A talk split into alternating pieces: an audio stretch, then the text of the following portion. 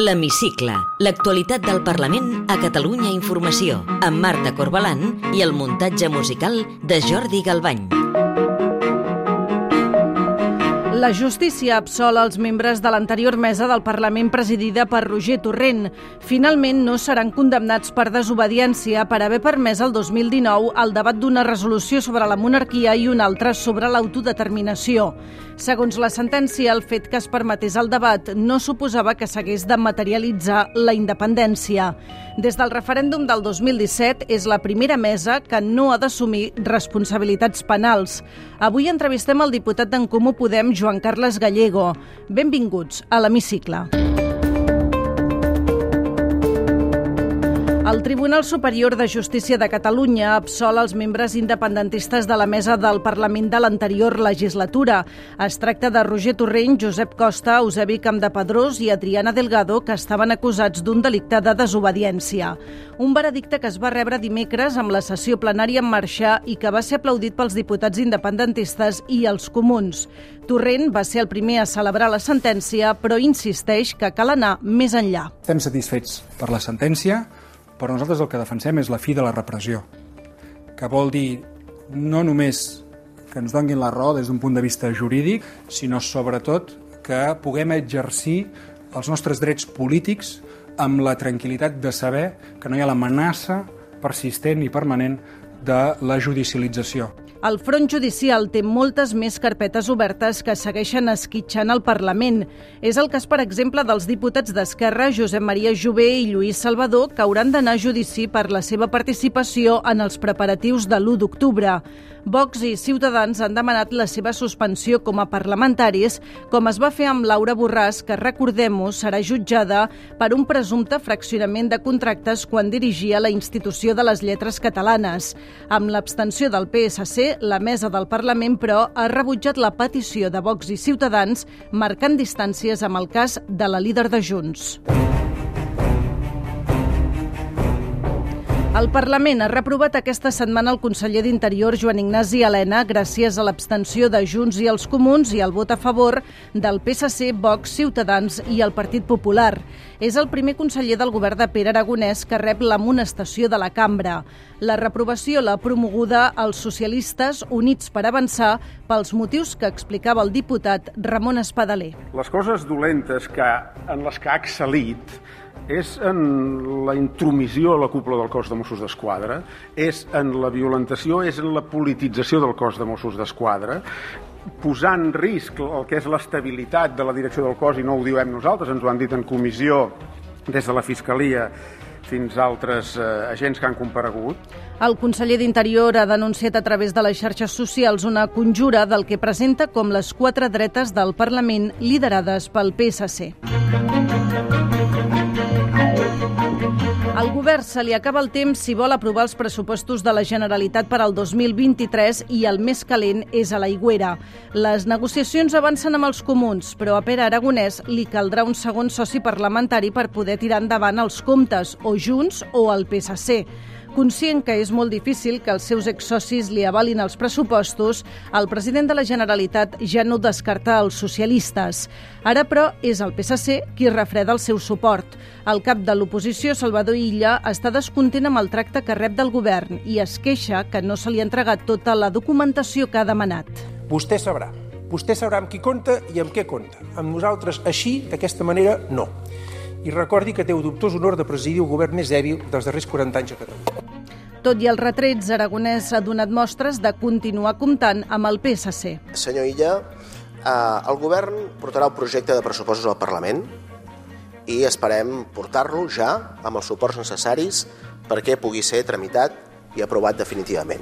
Amb els comuns, en canvi, les negociacions van avançant. La cap de files d'en Comú Podem, Jessica Albiach, ha aprofitat la sessió de control al president per deixar clara una de les principals prioritats del seu grup per poder avalar els pressupostos. Li demanem bàsicament dues coses. La primera, el 25% del pressupost de salut a primària. I a més, és urgent, hauria d'anar al 2023. Ara estem en el 18% pràcticament.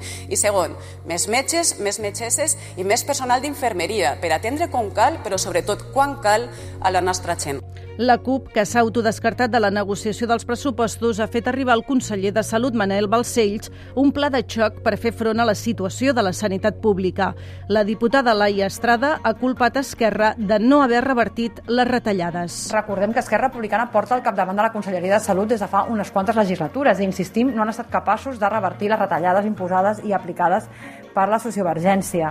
Junts per Catalunya, com ja acostuma a ser habitual a les sessions de control des que va sortir del govern, ha tornat a retreure al president aragonès que menys tingui la negociació amb els grups de l'oposició. President, no pot pretendre governar el país al marge del Parlament amb un govern dèbil amb només el suport de 33 diputats. I especialment amb reptes preocupants com és el retrocés del català. El català està en perill Precisament per abordar la crítica situació que travessa el català, el Parlament ha aprovat a instàncies de Junts fer un ple monogràfic sobre la llengua. Té la paraula. Joan Carles Gallego, diputat d'en Comú Podem. Vostè encapçala les negociacions dels comuns amb el govern pels pressupostos de la Generalitat de l'any que ve. Com van aquestes negociacions? Estan lluny o prop de l'acord? Bueno, avancen uh, lentament. Jo crec que hem començat tard, jo crec que el govern uh, no ha entès que uh, és important que aquest país tingui pressupostos i que els tingui efectius des de l'1 de gener i si hagués volgut això s'hagués tingut que posar abans. Hem començat a negociar, però de moment ho estem, hi ha una certa lentitud en la negociació. Nosaltres hem posat sobre la taula les nostres propostes, també amb els eixos prioritaris, i bueno, el govern ens està començant a contestar. Veiem que en alguns terrenys es pot avançar, però que en d'altres encara les posicions estan allunyades i necessitem més concreció i compromís per part del, del govern. No? Per tant, lentament i, bueno, i hem necessitat de més concreció. En quins terrenys creu que hi ha més aproximació amb el govern? Bé, jo crec que hi ha alguns temes que el govern ha entès que són estratègics i que no pot eh, donar-li la volta, eh? Vull dir, els temes d'energia, els temes d'habitatge, eh, fins i tot el tema de salut, o la necessitat d'un pla de xoc per fer front als efectes de la inflació en famílies i també en petites empreses i autònoms. Crec que és conscient que aquests temes eh, han de formar part de l'agenda política i, per tant, pressupostària. Un altre dels punts calents, si ho volem dir així, de la negociació és el tema de la fiscalitat. En Comú podem demanar una fiscalitat més progressiva, que passa, per exemple, per apujar alguns impostos com el de patrimoni o els trams superiors de l'IRPF. Veu el govern amb voluntat de tocar la fiscalitat? Bé, el govern eh, el veiem que amb els temes de fiscalitat arrossega els peus. Eh? Nosaltres hem plantejat que eh, hem de tocar la fiscalitat per fer una fiscalitat més solidària, per fer una fiscalitat més verda i per fer una fiscalitat eh, més social, diguéssim, més justa. No? I per tant parlem de eh, temes de rendes i de patrimoni perquè entenem que aquí hem de garantir la solidaritat, diguéssim, aquells que s'estan beneficiant de la situació econòmica i per tant que són els que cobren més, els que tenen més ingressos, els que tenen més patrimoni, que s'estan beneficiant d'aquesta situació econòmica. La inflació amb ells no els perjudica, els beneficia perquè acostumen a ser moltes vegades els grans eh, propietaris. Per contra, la classe treballadora, les classes mitges, la, s'estan veient molt afectades per la inflació. Home, doncs una mica de solidaritat en aquest moment. Els que més tenen i més estan guanyant que aportin per distribuir també entre aquells que més necessitats estan patint. Per tant, aquí creiem que es podria actuar. Però també es pot actuar en fiscalitat verda.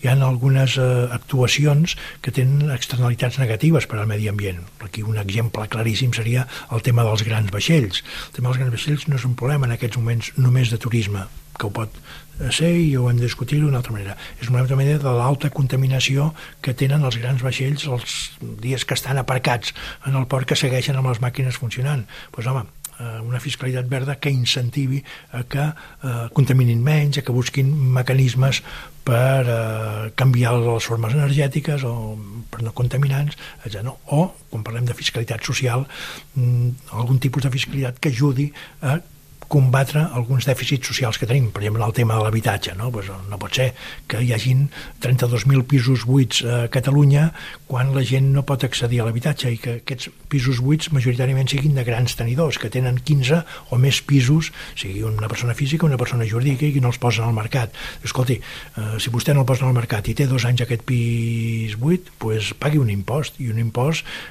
important per incentivar-lo a que vostè aquest pis el llogui i el llogui de manera social a ser possible perquè ja hi ha altres incentius i ajuts per al lloguer social si, poses, si mobilitzes aquest pis d'aquesta manera. No? Per tant, amb habitatge també, ai, amb habitatge, amb temes socials també es pot entrar en fiscalitat.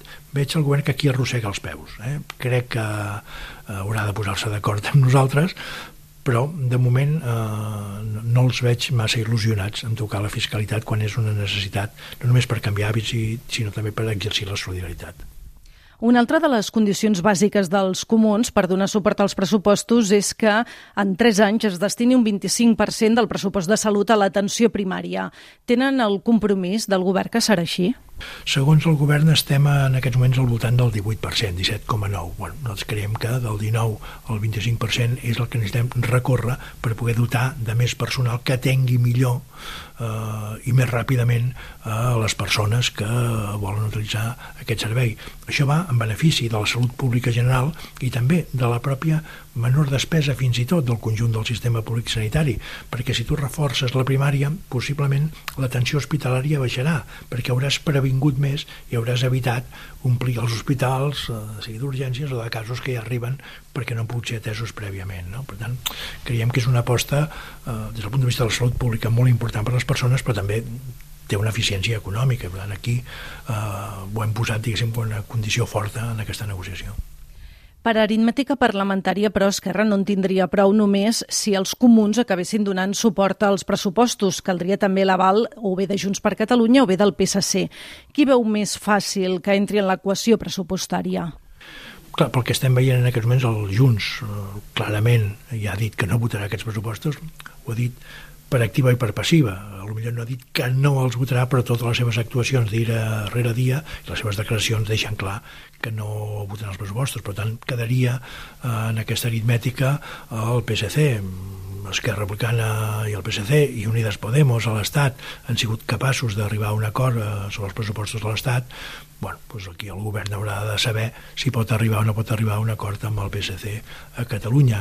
Aquest és el problema del govern. Nosaltres el que insistirem és que el nostre acord dongui resposta a les necessitats socials i econòmiques que té el país, que són les demandes que ens han fet la, aquests sectors socials que avui estan afectats pels impactes negatius de la crisi.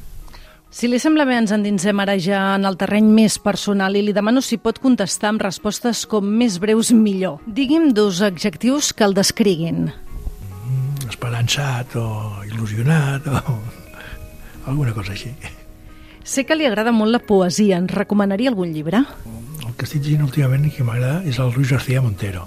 Quin diputat o diputada fitxaria per al seu grup Ideologia a banda? Uh, diputats uh, amics uh, en altres grups, per exemple el Bartomeu Comte d'Esquerra Republicana uh, i compartit amb ell també en moments uh, batalles sindicals i per tant hi tinc molta confiança. La Gent Díaz, també una companya que he conegut ara també amb algunes coses eh, del Parlament que he vist que també té molta d'això. Um, companys també del PSC que coincideixo en la Comissió d'Empresa i Treball, com el Pol Givert, i vist que en temes de polítiques d'ocupació doncs, també ens entenem i compartim uh, preocupacions. Hi ha uns quants uh, diputats i diputades amb els quals podria uh, fitxar, a part de fitxar els que ja m'acompanyen en el grup d'en Comú Podem, que són immillorables. Quina llei li agradaria que aprovés el Parlament aquesta legislatura? Seria uh, una llei del finançament del sistema educatiu per uh, garantir, diguéssim, l'educació de qualitat al llarg de la vida.